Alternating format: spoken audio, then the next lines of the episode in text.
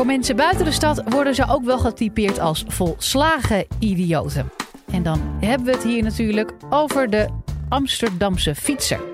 Als een kip zonder kop lijkt hij zich door het drukke verkeer in onze hoofdstad te manoeuvreren. Nou, socioloog Gerben Moerman van de Universiteit van Amsterdam vertelt in deze podcast hoe de Amsterdamse fietser het elke dag opnieuw toch steeds weer voor elkaar krijgt om heel huids thuis te komen.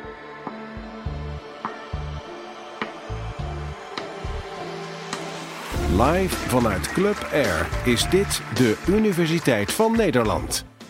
Waarom mogen wij wel door rood fietsen en toeristen niet? Ik zal het antwoord niet geven, dat mag niet bij de Universiteit van Nederland. Je moet wachten tot aan het eind. Ik zit dagelijks op deze fiets. En dan fiets ik vanaf het Amstelstation of als ik niet zo ver wil fietsen, vanaf het Centraal Station naar mijn werk. En dat is eigenlijk met gevaar voor eigen leven. Levenslink is het om in Amsterdam te fietsen. Buitenlandse auteurs schrijven over Amsterdam. Ja, geweldige stad, geweldige stad. Maar een chaos in het verkeer. Een immense chaos. Niemand houdt zich aan de verkeersregels. Het is levensgevaarlijk. En, nou ja, ik zit er dagelijks in. Met die kleine wiebelwieltjes. Dat levensgevaarlijk. En dat vinden niet alleen buitenlandse auteurs, dat vindt ook de gemeente. Terecht halen ze alle paaltjes weg, of ze zetten er lampjes op nu in Amsterdam. Maar ze hebben een aantal jaar geleden, in 2011, een groot symposium gehouden over fietsen. En fietsen in Amsterdam en het gevaar van fietsen in Amsterdam. Fietsers in Amsterdam. Als je links moet en de kortste weg is schuin, dan ga je schuin. Chaos. Hoe kunnen we hier nou ooit beleid op maken? Dit kan toch niet? We zetten daar een geweldig net stoplicht neer. Wat heel mooi afgesteld is. En wat doet iedereen? Iedereen racht er gewoon doorheen. Schuin over, over eh, het zebrapad. Automobilisten doen raar. Wat gebeurt hier? Wat zegt dit eigenlijk over fietsen in Amsterdam? Het mooie anarchisme hoor ik. Chaos. Amsterdam. Typisch Amsterdams. Wat doen we? Als we redeneren, als we naar dit kijken. We zien, we kijken naar en zien één fietser die zich niet aan de verkeersregels houdt. We zien een tweede fietser die zich niet aan de verkeersregels houdt. We zien een derde fietser die zich niet aan de verkeersregels houdt. Een vierde, een vijfde, enzovoort. En we gaan concluderen. We concluderen, verrek. Fietsers in Amsterdam zijn idioten. Houden zich niet aan de verkeersregels. Dat is de uitkomst. En die manier van redeneren noemen we inductie. Dat is geen kookplaat dus. Ja, dat is het ook. Maar in de sociale wetenschappen, of in de wetenschappen, wordt het vaak gebruikt om een manier van redeneren uit te leggen. Namelijk van specifieke observaties, één voor één, naar een algemeen geldende regel. Fietsers in Amsterdam houden zich niet aan verkeersregels. Heel voorzichtig zit hier iemand vooraan nee te schudden. En dat is heel goed. Want het is een beetje een naïeve manier van redeneren. Waarom is het naïef? Ik wees daarnet bij het filmpje op de gevallen die gek deden. Ik verifieerde alleen. Verdikke me, dat hadden we net toch geleerd. Bij Paul is dead. Verificatie. Alleen verificatie is niet goed. Dat noemen we confirmation bias. Ik heb zo'n jasje, ik heb hem al drie keer op straat gezien. Je hebt een nieuwe fiets en je ziet verdikke me iedereen met die nieuwe fiets rijden. Je hebt een nieuw mobieltje en iedereen heeft zo'n ding. Dat noemen we confirmation bias. Waarom? Omdat je erop gericht bent. Je bent gespitst op het levensgevaarlijke verkeer in Amsterdam. Ik heb jullie eerst iets verteld. En daarna zijn jullie met z'n allen, nou ja, niet allemaal, een aantal van jullie er toch een beetje ingestonken. Mee gaan redeneren. Case 1, case 2, geval 1, geval 2, geval 3, geval 4. Met z'n allen betekent dat er is een algemene regel. Dus het tweede probleem. En dat probleem noemen we het inductieprobleem. Dat is een klassiek probleem. Namelijk, hoeveel fietsers hebben we nodig om te concluderen dat fietsers in Amsterdam zich niet aan de regels houden? Veel? Heel veel? Maar wat is, wat is heel veel? Moeten we tien fietsers zien? Moeten we honderd fietsers zien? Duizend? Twee miljoen er was een wetenschapsfilosoof en die zei: Hoeveel witte zwanen moeten we zien om te zeggen dat alle zwanen wit zijn? dan moet je ze allemaal zien. Hoeveel zwarte zwanen moeten we zien om te zeggen dat niet alle zwanen wit zijn? Juist.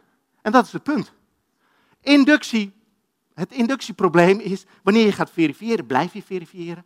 En kun je blijven verifiëren tot je een ons weegt.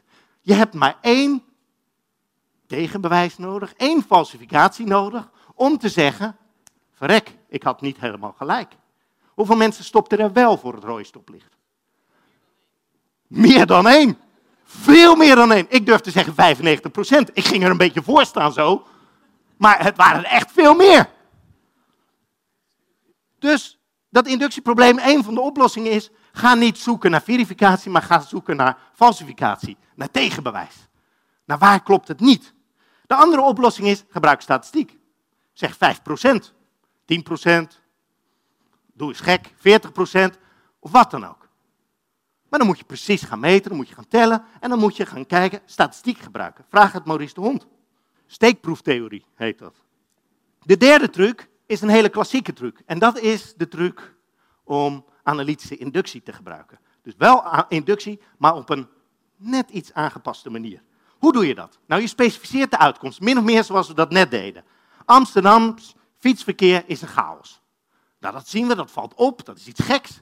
Amsterdams fietsverkeer is een chaos. Je gaat kijken, je ziet case 1, case 2, geval 1, geval 2, geval 3, geval 4, 5. Al die mensen die door dat rode stoplicht rijden. Maar dan formuleer je een hypothese. En dan zeg je van nou, Amsterdamse fietsers, een deel van de Amsterdamse fietsers, we hebben iets geleerd, een deel van de Amsterdamse fietsers houdt zich niet aan de verkeersregels. Maar dan, dan doet de analytische inductie iets briljants. Want dan ga je kijken naar de mensen die het allerslechtste fietsen van allemaal. De deviant cases. De mensen waarbij chaos immense chaos is. Namelijk, heel goed, de toeristen. Gelukkig begrijpt die toerist het. Maar wat leren toeristen ons? Ten eerste, ze letten niet op. En het tweede zegt hij, ik ken de regels niet. Nou, als je kijkt naar wat toeristen doen op de fiets, dan doen ze inderdaad iets waarvan wij hebben afgesproken, dat doe je niet op. Namelijk treuzelen. Als je fietst, fiets je. En anders krijg je in Amsterdam pannenkoek naar je hoofd gesmeerd, uh, gegooid. Je moet doorfietsen. Een beetje, een beetje tempo, niet, niet dat langs. Dat is één van de regels, niet, niet treuzelen. Maar staat dat ergens in het wetboek voor verkeersregeltjes? Nee. Ja, op de snelweg, maar niet, niet op de fiets. En wat doen die, Amsterdam, wat doen die uh, uh, toeristen nog meer niet? Het allerbelangrijkste in het verkeer. Opletten. En het grappige is, of het interessante is, dat misschien die Amsterdamse anarchisten, die chaoten, dat wel doen. Wat doen wij in het verkeer en waarom mogen wij nou af en toe wel door het rode stoplicht rijden en juist toeristen niet? Wij houden ons aan veel meer regels dan alleen de verkeersregels. Juist de mensen die door het rode stoplicht rijden. Vaak weet je een beetje hoe die stoplichten werken. Dat is één. Dat is misschien ervaring. Twee is opletten. Drie is een heel belangrijk sociologisch begrip, namelijk interacteren. Je kijkt naar iemand anders. Je kijkt in de ogen. Je kijkt naar het stuur. En let maar op als je straks gaat fietsen. Iemand hoeft zijn hand niet uit te steken. Want je ziet het aan de beweging. Maar wat doet een toerist? Die doet het niet rustig of die, die kwakt in één keer om. Bam!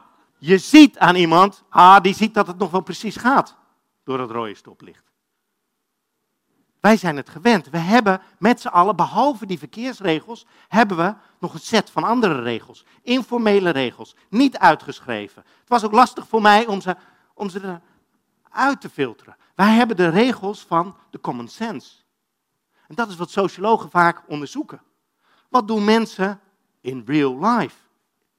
Hoe gebruiken zij common sense? Hebben toeristen dan geen common sense? Nou, niet op dit vlak. En die analytische inductie, die gebruikt dus zo'n gek geval. Net als dat ik het gekke geval van die toerist op de fiets gebruikte. En dat gekke geval leert ons iets. Namelijk dat we onze uitkomst en onze hypothese misschien moeten herformuleren. Namelijk dat die Amsterdamse fietsers, in tegenstelling tot wat de gemeente met dat symposium zei, geen complete ongeorganiseerde chaos is. Nee, het is een zeer georganiseerde chaos. Het lastige is alleen dat die regels zo onbeschreven zijn. Maar misschien is dat ook wel het mooie. Mensen interpreteren die verkeersregels en maken er collectief iets nieuws van. Informele regeltjes. We hebben vanuit enkelvoudige gevallen geobserveerd, een regel geformuleerd, die regel aangepast, de hypothese aangepast op basis van die toeristen. Weten we het dan zeker? Heb ik het dan hierbij hard gemaakt? Nog niet helemaal. Het beste zou zijn als we dit zouden gaan testen in een experiment.